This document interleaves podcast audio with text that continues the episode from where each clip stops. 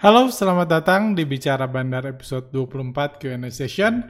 Uh, dalam podcast ini saya akan menjawab pertanyaan-pertanyaan masuk. Ada pertanyaan masuk mengenai Omnibus Law yang baru disahkan uh, hari ini. Ada yang pertanyaan tentang IHSG, investor asing yang terus keluar dari IHSG. Ada yang uh, juga banyak pertanyaan-pertanyaan bagi uh, dari rekan-rekan yang pengen belajar analisa bandarmologi namun masih ada kebingungan-kebingungan. Jadi ada banyak pertanyaan yang sudah dikumpulkan dan saya mau coba jawab dengan cepat dan semoga bisa berguna buat rekan-rekan. Oke, mari kita mulai. Oke, uh, pertanyaan pertama.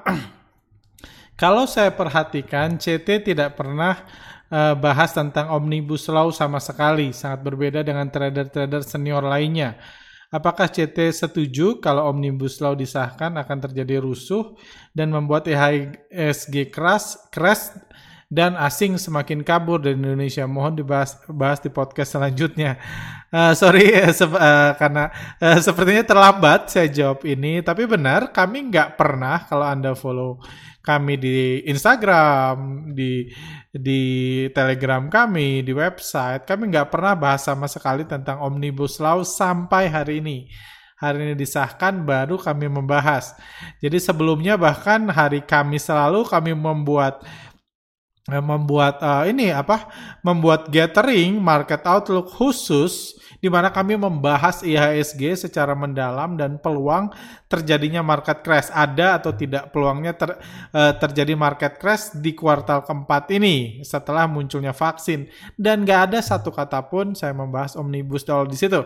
Kenapa? Karena saya bagi saya itu sesuatu yang nggak penting. Bukan nggak penting buat ekonomi Indonesia, bukan nggak penting buat Indonesia, tapi itu nggak penting buat IHSG. Kayak gitu.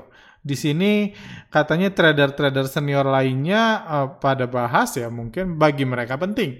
Bagi saya sih nggak penting sama sekali itu. Kenapa? Ya karena kita tahu kita harus paham garis besar IHSG dan bagaimana market works. Garis besar IHSG sekarang adalah asing sedang berusaha jualan di bursa kita dan sedang memanfaatkan banyaknya investor lokal baru yang pengen jualan. Itu yang saya bahas di podcast sebelumnya. Itu garis besarnya. Nggak ada yang lain. Kalau Omnibus Law berpotensi ini, uh, terus apa efeknya Omnibus Law? Omnibus Law efeknya itu pada ekonomi di masa yang akan datang membela pengusaha, ada yang bilang membela pengusaha, mengkhianati buruh, dan lain-lain, dan lain-lain. Apa urusannya sama bursa saham? Pertama, karena di masa COVID udah diputus. Di masa pandemik, hubungan antara ekonomi real dengan bursa saham sudah diputus. Demi membuat bursa saham yang lebih baik, nggak ada urusannya lagi sama ekonomi. Bandar sudah memutus. Itu satu. Kedua, gimana kalau ekonomi memburuk pasca Omnibus Law? Itu nanti. Gimana kalau membaik? Itu nanti. Mana yang akan terjadi? Ya nggak tahu.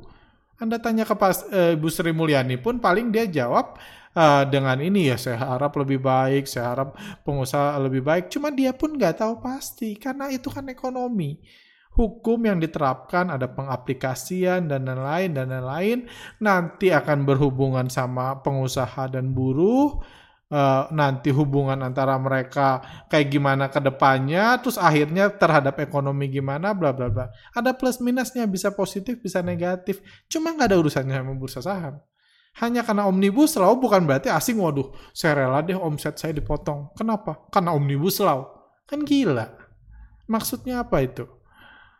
Misalnya Anda beli beras gitu, Anda beli beras, Anda beli beras uh, harganya 12.000, Anda mau jual 13.000 di toko Anda. Tiba-tiba ada keluar Omnibus Law. Saya jual 11.500 deh. Kenapa? Omnibus Law kan nggak nggak masuk akal. Ya memang bagi komentator saham mungkin trader senior ini juga uh, nyambil komentator saham atau simply dia nggak ngerti aja. Memang bagi dia seru dibahas. Cuma nggak ada efeknya. Efeknya kalau asing jualan. Kalau asing jualan, itu baru berefek. Kalau asing belanja efeknya positif, kalau asing jualan efeknya negatif. Dan hari ini terbukti kan. Pagi-pagi buta uh, pas market buka asingnya belanja, harga naik. Udah di atas ketika lokal tenang, oh ternyata omnibus law nggak apa-apa. Oh ternyata baik-baik aja ya. Ternyata asing nggak khawatir sama omnibus law. Lokal udah tadinya takut, padahal di luar masih rusuh. Lokal takut, lokal udah berani pasang bid, nah itu baru diguyur asing Yang mutusin tetap asing, mau omnibus law kayak mau apa yang mutusin tetap asing. Dan kalau saya lihat omnibus law dalam kondisi ini itu apalagi kalau rusuh itu mengganggu kepentingan asing yang sedang mencari omset di bursa kita. Dia kan mau ngambilin uang lokal. Kalau lokalnya takut sama omnibus law ya harus ditenangkan dong biar mau belanja lagi. Itu aja garis besarnya. Asing bisa kalau asing beli kalau asing beli pas omnibus law ya good. Kalau asing jual bad nggak ada omnibus law pun faktanya tetap nggak berubah kan. Kalau asing beli good, asing jual bad. Yang mutusin tetap asing. Ekonomi gimana ke depan itu urusan nanti. Asing pengen jualannya sekarang kok. Anda beli beras, berasnya sekarang. Anda beli beras 12 ribu, pengen jual 13 ribu, Anda pengen jualnya sekarang. Bukan nanti, pasca dibentuknya, pasca sudah jelasnya efek omnibus law terhadap ekonomi, bangsa dan negara dan keutuhan NKRI baru baru dia jualan beras kan gak masuk akal. Ini bisnis. Asing ke sini untuk bisnis untuk cari duit bukan main ekonomi ekonomian yang main ekonomi ekonomian itu kadang-kadang trader ada trader senior mungkin atau komentator saham dan media. Politisi senang main ekonomi ekonomian karena kerjanya itu. Asing kerjanya bukan itu. Asing kerjanya nyari duit nyari duit lokal untuk dibawa pulang ke negaranya mungkin. Itu tugas mereka di sini. Seperti itu. Jadi saya sih nggak peduli sama omnibus law. Kalau asing beli bagus, kalau asing jual jelek.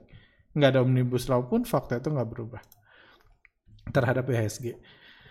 Bang, uh, lanjut. Wah, lama banget saya jawab itu. Bang, saya mau tanya, kalau sekarang lokal terus beli saham asing rata-rata 500M sehari, Artinya lokal masih kuat dong. Dan kalau asing bisa pakai jasa invisible hand buat naikin, kenapa harga sahamnya turun? Sedangkan harga bisa terus naik dan asingnya jualan di harga atas, eh, jadi everybody happy. Ya eh, asing pengen sih jualan di harga atas, cuma lokalnya udah nggak kuat. Makanya butuh invisible hand buat naikin. Tapi Invisible hand itu kan temen dia juga. Dia nggak bisa minta temannya naikin harga, terus dia hajar temannya sendiri di atas. Ya kan dia dia juga invisible hand itu. Kalau dinaikin ya dia nggak bisa jualan. Setelah naik lokal mulai happy, mulai tenang. Kayak terjadi hari ini, eh, di takut khawatir demo, orang khawatir breaking news di mana-mana. ISG dinaikin, mungkin pakai invisible hand atau pakai duit dia sendiri duit asing di atas mereka jualan. Pas mereka jualan ya turun lagi. As simple as that. Kalau mereka nampung sendiri jualan mereka terus buat apa mereka jualan kalau mereka beli sendiri ya diem aja istirahat. Ngabis-ngabisin fee kan. Jadi menurut saya kalau asing jualan dan lokalnya nggak sanggup naikin harga dan kurang kuat ya pelan-pelan turun. Gitu. Lanjut, pasukan satu lot pertanyaan pasukan satu lot. Benar Pak, karena Bapak bilang teknikal nggak guna buat Pak Arga, eh, beberapa beberapa youtuber saham yang saya follow pada rame-rame buat konten yang ada iklan di videonya untuk mengcounter pernyataan Bapak teknikal nggak guna. Eh, nya Pak Arga jadi sumber AdSense buat youtuber yang lain. Saya jadi ke-trigger untuk membuktikan apakah teknikal uh, berguna atau tidak buat saya sambil nabung bisa ikut kelas. Oke, okay. uh, oke, okay. ya good. Uh, kalau ini jadi sumber AdSense, good point. Puji Tuhan kalau mereka bisa dapat uang dari AdSense, good-good aja gitu. Atau mungkin next time kita buat uh, video uh, kenapa bagi saya fundamental nggak berguna. Sayangnya bagi saya berguna fundamental.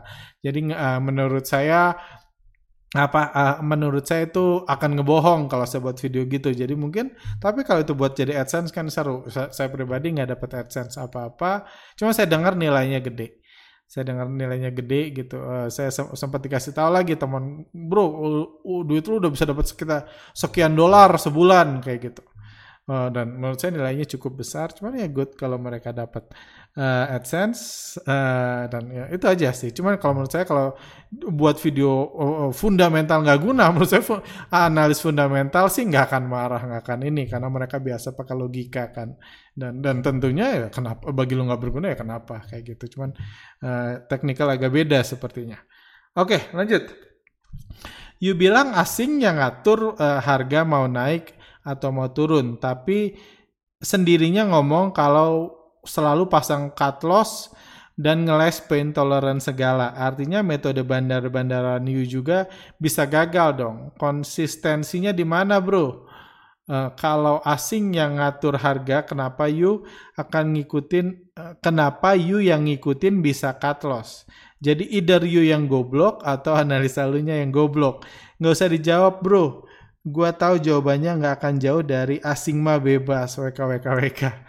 Uh, Oke, okay, sorry, ini harusnya disensor, harusnya goblok ini dirubah jadi go good, go nice atau apa gojek kayak gitu. Tapi pertanyaannya bagus. Uh, uh, itu mungkin ada juga saya rasa pertanyaan-pertanyaan yang mirip uh, karena saya bilang di kenapa saya menggunakan analisa teknikal dulu karena salah satu metodenya salah satu kegunaan utama technical analysis adalah menentukan level cut loss. Jadi technical analysis nggak ngajarin Anda milihin saham tapi ngajarin Anda cut loss. Jadi kalau rugi ya cut loss, rugi cut loss. Jadi modal nggak habis, itu kegunaannya. Cuma saya jelaskan ternyata cut loss Anda akan lebih disiplin kalau Anda buat cut loss tanpa teknikal. Jadi saya nggak pakai analisa teknikal. Nah, jadi menurut saya nggak guna analisa teknikal. Kayak gitu. Cuma kenapa uh, di sini saya, poinnya bagus, Bapak atau saya nggak ada fotonya. Bapak atau Ibu ini uh, poinnya bagus, uh, konsistensinya. Uh, kalau asing yang gerakin harga, kenapa saya pasang cut loss? Kenapa saya rugi? Kayak gitu. Uh, oh, gini, saya ada contoh. Contoh real. Uh, bukan BBCA. TLKM. Nah, TLKM. Nah, TLKM ini kejadiannya hari Kam, uh, tanggal 1 itu hari apa ya? Tanggal 1 itu hari Kamis lalu. Hari Kamis lalu kita tahu setelah diguyur habis-habisan TLKM, Kamisnya terbang. Hmm, Kamisnya terbang, harganya naik banyak, naik 7%. Waktu itu saya telat bangun. Nah, telat bangun, telat ke kantor karena saya biasa nggak ini nggak buka trading uh, aplikasi trading di rumah maupun rumah saya dekat. Uh, jadi saya telat bangun, telat ke kantor. Jadi saya masuk udah naik. Saya udah masuk udah naik uh, dan udah terbang. Dan saya lihat wah asingnya beli lumayan. Saya kan mau ngikutin asing. Saya kemarinnya sebenarnya udah kepikiran beli, cuma nggak nggak yakin, belum feel safe gitu. Jadi nggak beli. Besoknya terbang, dan saya udah beli. Saya beli 2690, 2685, mirip-mirip average asing, kayak gitu. Mirip-mirip average asing pada saat itu. Uh, harganya naik, harganya naik. Di akhir ini saya untung.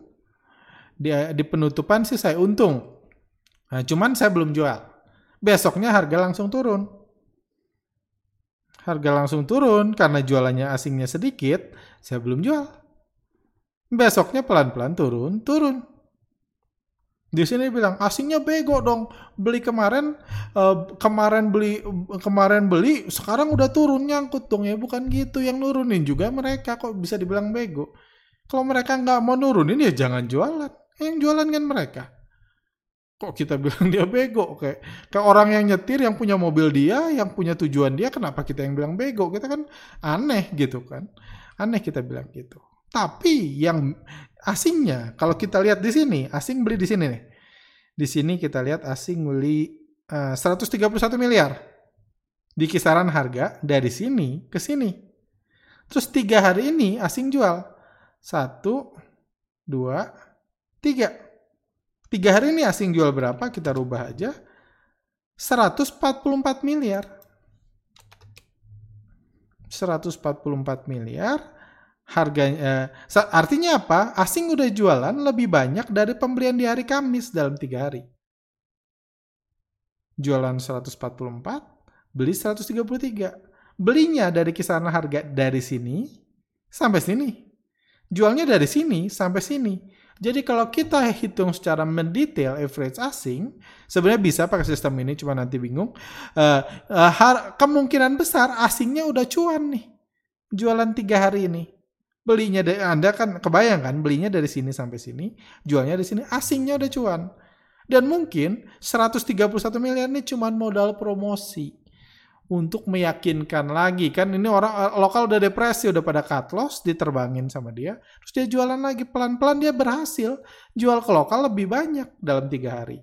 Mungkin aja dia jual dalam 5-6 hari dia bisa jual 300 miliar lagi dan harga balik lagi ke 2500 atau 500 miliar lagi jadi asingnya cuan cuma saya ngikutin gak cuan Kenapa? Saya nggak punya saham sebanyak asing. Saya nggak beli Telkom dari 10 tahun yang lalu. Saya cuma beli terlambat bangun lagi. Di, di 2685 atau 2690. Saya beli di harga itu. Seka, uh, saya ini ada kesempatan jual, cuma saya nggak jual-jual. Karena saya pengen jualnya sekali. Saya pengen jualnya sekali, nggak jual-jual. Asingnya terus jualan. Bahkan asing bisa jual lebih banyak dari dia beli karena sahamnya dia banyak. Asing bisa jualan sampai di bawah 2500 bisa karena dia belinya jauh. Cuman untuk ngikutin ya bisa aja rugi. Itu wajar. Cuman kalau pengalaman berarti nggak selalu untung dong. Ikut asing saya nggak pernah bilang selalu untung. Bahkan uh, saya sering ngomong kalau ada teman-teman ada teman saya atau alumni atau bahkan calon peserta workshop yang bilang bisa rugi nggak ikut workshop kayak gitu. Kalau saya nanya bilang, justru saya bilang kalau anda nggak berani rugi dalam berbisnis, salah satunya bisnis saham, mendingan nggak usah bisnis saya bilang. Mendingan nggak usah. Apalagi ikut workshop trading saham aja nggak usah saya bilang. Kalau goal anda itu, goal saya adalah mencari metode paling baik menurut saya, paling ideal menurut saya, paling make sense untuk mencari keuntungan. Mencari keuntungan bukan berarti nggak boleh rugi. Kayak gitu. Kayak kalau mungkin besok saya jual. Kemungkinan kalau ngelihat udah jualan lebih banyak, asing asing udah cuan. Saya belum. Saya bisa. Kalau saya ju tahu asing jualan tiga hari, saya jual hari pertama. Atau di sini saya jualan cuma kan saya nggak tahu. Saya cuma ngikutin. Asing jualan tiga hari, saya nggak jualan karena saya berharap bisa jual di modal saya sekarang. Itu aja. Jadi saya bisa stop loss, bisa. Bisa rugi, bisa. Asing saat ini rugi atau untung? Untung. Dia pakai modal promosi 130 miliar, udah bisa jualan 140 miliar. Bahkan asing bisa jualan 500 miliar lagi bisa-bisa hanya karena modal promosi 131 miliar ngambilin cut loss lokal, dia bisa jualan lagi mungkin sampai 1 T lagi. Harga balik lagi ke 2500 asingnya untung. Untung. Cuma saya ngikutin nggak untung. Karena saya nggak punya modal sebanyak mereka dan nggak sekonsisten dia jualan. Kalau saya nyicil-nyicil saya sebenarnya bisa untung. Cuma saya kan lagi nggak nggak fokus gitu juga. Asing jual, misalnya saya beli 500 lot, asing jual segini, saya jual 150, 150 nggak gitu juga. Karena saya posisi semacam sedikit di saham ini, ya saya langsung jual sekali niatnya. Cuma belum kejual sampai sekarang. Seperti itu. Jadi itu ininya. Uh, itu yang pertanyaan itu. Pak mau tanya, Uh, kalau saya tujuannya investasi jangka panjang dan saya beli satu saham perusahaan secara nyicil tiap bulan, jadi pertanyaan saya di waktu tiap uh, mau beli sahamnya itu apakah harus nunggu turun merah dulu atau jangan pedulikan harga mau naik mau turun yang penting saya nabung tiap bulan habis gajian rutin satu lot uh, di perusahaan tersebut. Makasih. Hmm, aku tutupan pertanyaannya. Uh, Oke. Okay. Uh, kalau menurut ya kalau menurut saya ini mempertimbangkan psikologis ya. Menurut saya apalagi kalau ini orang sibuk niatnya investasi dan niatnya nabung saham, kalau merhatiin harga bisa hilang konsistensi. Hilang konsistensi. Jadi menurut saya sih karena kekhawatiran karena oh, nggak siap menghadapi merah, hijau, merah, hijau, malah jadi nggak beli pas merah berharap lebih merah lagi, jadi nggak konsisten. Menurut saya nggak usah perhatiin harga, pertimbangan dengan strategi uh, si selalu laku ini, namanya selalu laku lagi. Nah itu eh, saran saya sih itu, jadi konsisten. Cuman kalau saran saya jangan beli satu perusahaan karena sebelum chip blue chipnya perusahaan, kalau dijual asing terus, bisa dan benar-benar dijual eh, misalnya Telkom sekarang lagi dijual asing. Tapi kan belum tentu tiga tahun ke depan Telkom terus dijual asing. Anda mau beli Telkom sekarang silakan. Tapi bisa aja tiga tahun ke depan asing jualan Telkom terus ya Telkom turun terus. Wong asing benarnya kan. Jadi saran saya diversifikasi.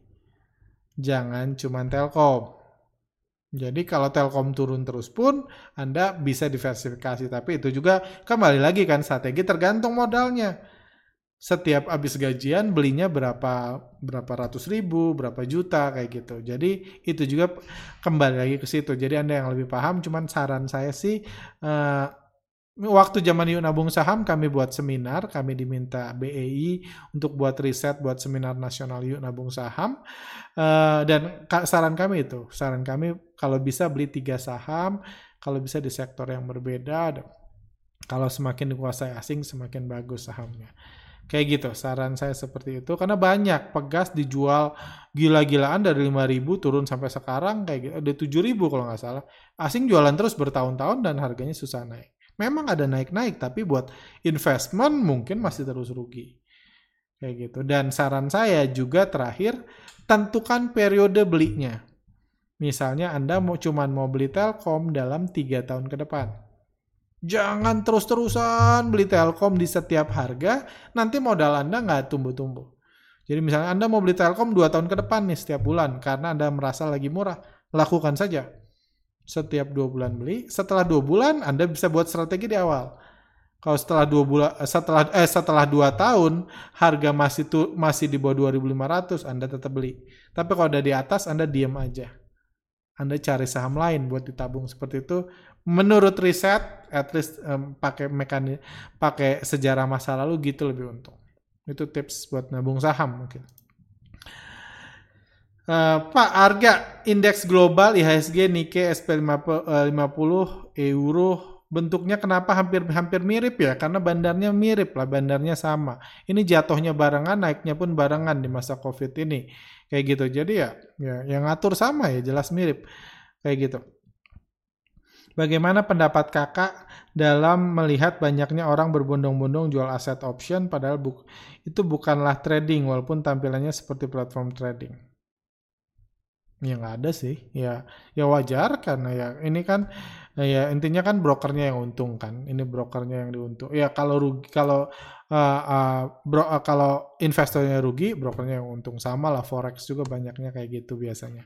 Yang saya tahu lah, saya nggak tahu semua atau enggak, cuman banyak yang kita trading uh, tanding sama bandar. Bandarnya itu sih brokernya ini sendiri gitu. Jadi ya nggak ada pendapat sih. Mereka berhasil jadi nasabah uh, si uh, custom uh, si perusahaannya uh, aplikasinya bisa buat ini, bisa buat sistem, eh aplikasinya bisa mengundang orang masuk ya rezeki dia, rezeki aplikasi karena biasanya yang trading ini mayoritas rugi sih.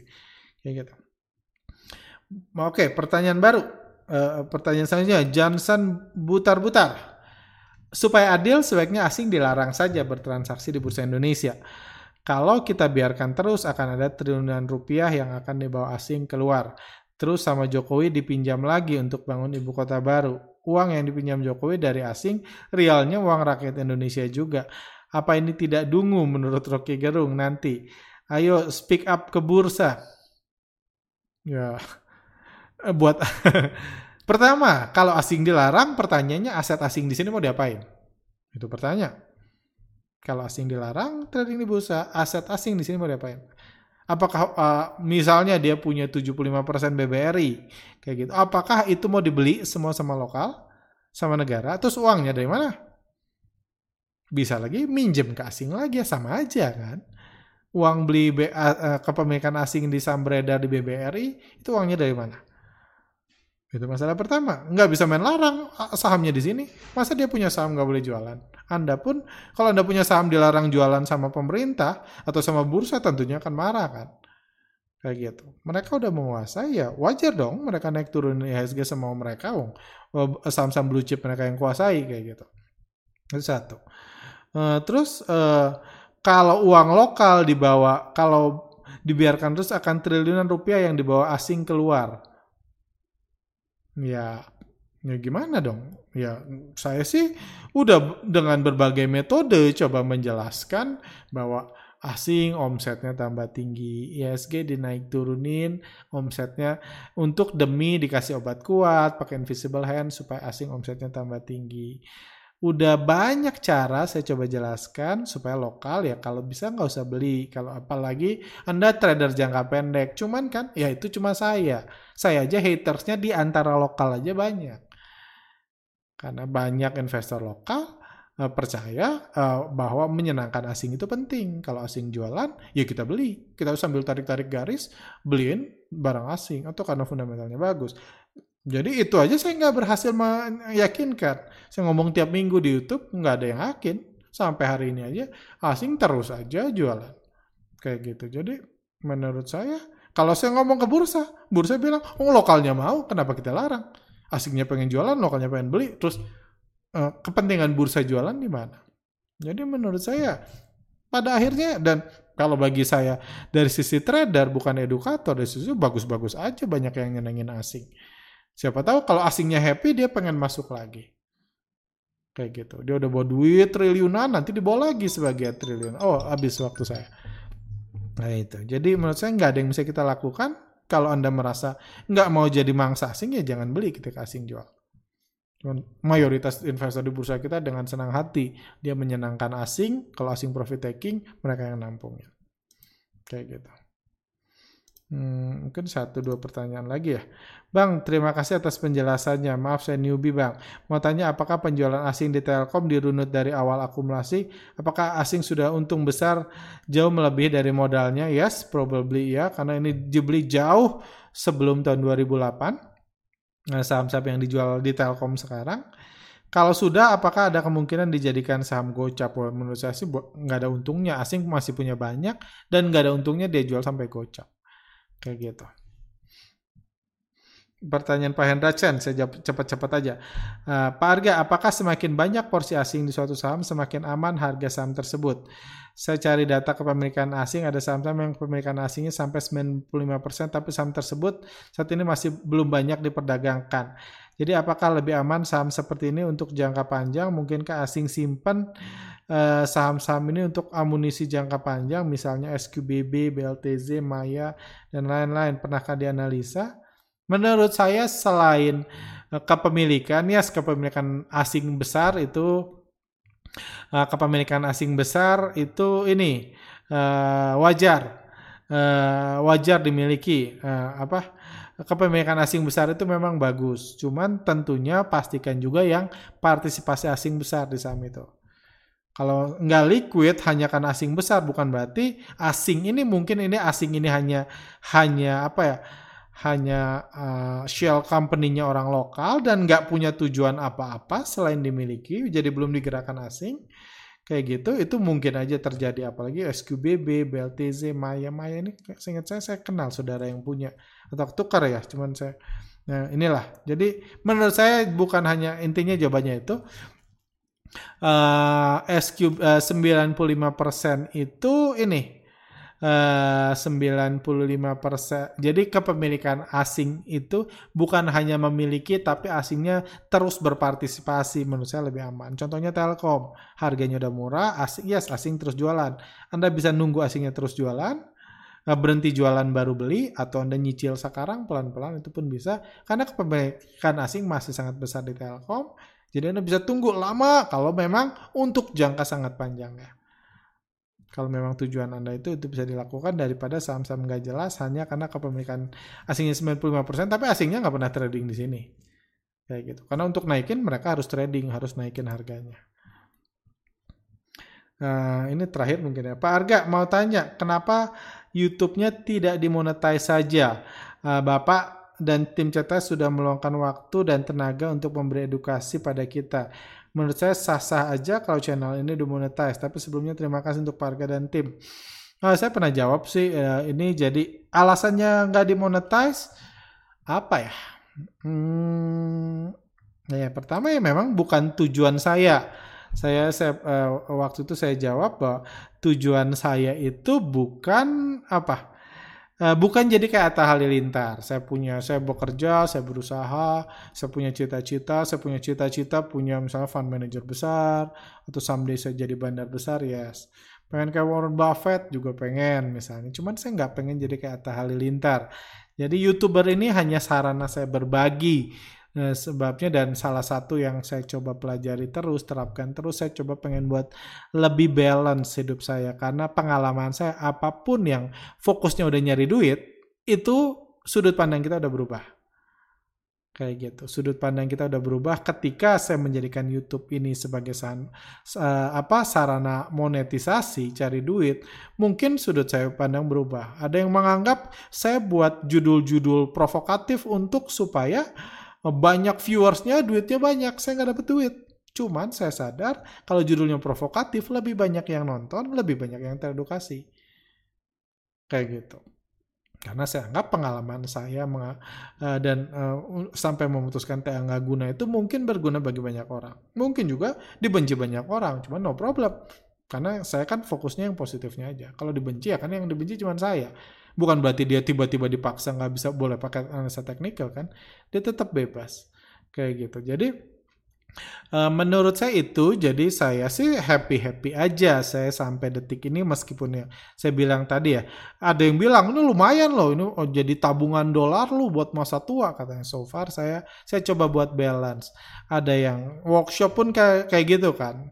Workshop pun ada workshop berbayar, ada workshop buat donasi. Jadi saya buat balance karena Misalnya saya ngerasa ketika ini udah berhubungan dengan uang, saya jadi sangat egois dan peduli sama kepentingan saya. Contohnya trading. Saya nggak pernah mikir lagi tuh kalau udah profit taking jual, saya nggak pernah mikir lagi nasib yang beli dari saya gimana. Karena itu jadi personal, jadi ini dan saya kalau YouTube saya pengennya sarana berbagi aja. Gitu aja sih gitu. Jadi I'm happy share, uh, for sharing this gitu. Kalau anda suka ya good, kalau nggak suka nggak usah ditonton. Tapi saya happy dan ya itu sih alasan saya. Jadi memang sejak awal tujuan saya bukan monetisasi, bukan jadi kayak Atta Halilintar. Tapi menurut saya sah-sah aja. Kalau banyak trader, youtuber, trainer atau apa pun pengen jadi kayak Atta Halilintar, kayak dari YouTube, good-good aja kok. Karena buat YouTube juga susah. Butuh effort, butuh itu. Ya ini pun effort lain lah kayak gitu jadi dan saya kebetulan bukan itu cita-cita saya. Nah, terakhir mungkin saya tertarik yang merah-merah ini. Oke. Okay. uh, eh, Min kalau boleh request untuk blog akun waduh. Uh, karena menurut saya nggak peduli apa pun konten yang di share ini di IG ya. Di sini selalu dihina-hina dan memancing keributan dengan follower lain. Kalau diperhatikan komennya, mereka nggak pernah nonton podcast dan nggak ngerti tentang bandarmologi, tapi kerjanya nyalahin sana sini. Ini udah kedua saya dapat ini. Uh, ya gimana ya? Saya pribadi ya, saya pertama saya nggak terlalu peduli. Saya tahu banyak kalau nggak salah dua minggu lalu pun ada bilang youtuber peduli, uh, uh, viewers peduli. Cuman kami pertimbangkan deh untuk di remove. Karena ya saya juga sadar sih kadang-kadang saya baca kolom komentar saya juga sadar ada yang memang fokusnya ya jadi haters gitu. Ngerti enggak analisa enggak itu yang saya bahas sebelumnya kan. Kadang-kadang nggak ngerti kadang-kadang mereka nggak ngerti jadi mereka ini apa nah, karena nggak ngerti jadi mereka hate. Cuma mereka nggak mau ngerti mungkin udah tertutup dulu atau udah marah dulu saya pun nggak tahu Cuma dulu saya lama-lama kalau mereka someday ngerti mereka mungkin gak hate. Itu satu. Kayak gitu. Jadi kami prefer nggak ngeblok siapa-siapa. Ada haters ya silahkan aja sih. Karena ada yang like, ada yang unlike. Menurut saya wajar. Kayak gitu itu satu. Kedua adalah Nah, karena udah jadi rahasia umum juga, ada beberapa misalnya tokoh-tokoh gitu atau beberapa ini yang memang dia menggaji buzzer buat ini gitu. Jadi kalau jadi bukan hanya hate tapi mempromot ini. Dan kalau kami lihat komennya memang fokusnya itu. Kan kalau di YouTube misalnya ada yang komen negatif, Anda bisa klik. Dia komen apa aja nih selama ini. Ternyata apa pun kontennya, isinya cuma satu.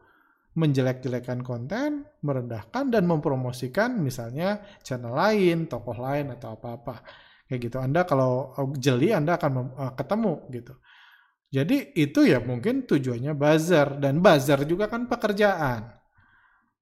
Menurut saya kalau itu di remove, di remove dia akan buat akun lain, wong itu kerjaan dia. Akan buat lakukan lain buat yang sama, ya nyapain nyapain kami. Ya nyapain nyapain dia dia sama-sama capek, terus siapa yang menang kan kalau itu di remove. Kalau kalau semua di remove secara aktif di remove nanti dia yang kehilangan kerjaan. Kasihan juga kan gimana juga zaman susah gini dia dipecat. Kenapa? Lu nggak bisa jadi jadi haters lagi. Lu nggak berguna pekerjaan lu itu. Dia kehilangan kerjaan.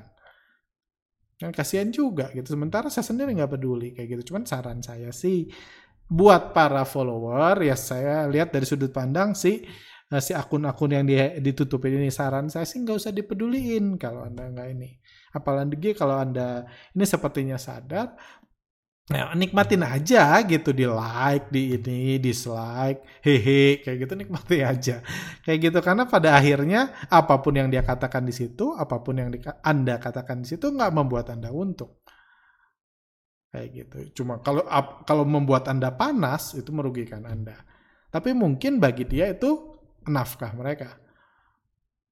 Jadi dia mengatakan gitu untuk nafkah mereka, jadi ya menurut saya sih sah-sah aja sih. Zaman susah gini kalau dia jadi buzzer dia dapat gaji atau dapat income kan kenapa kenapa salah gitu? Saya sendiri nggak keberatan. Kayak gitu. Oke udah dulu deh. Ini udah lama banget Uh, Oke, okay, thank you buat rekan-rekan yang ini. Semoga Anda belajar something uh, dalam podcast ini. Silahkan like kalau suka, dislike aja kalau nggak suka. Uh, jangan lupa ada kalau Anda punya pertanyaan, ada penjelasan saya yang kurang jelas, menurut Anda salah, silahkan tulis di kolom komentar. Nanti ada Q&A selanjutnya, saya bisa menjawab pertanyaan-pertanyaan Anda di podcast selanjutnya. Oke, okay? thank you. Sehat selalu. See you next time.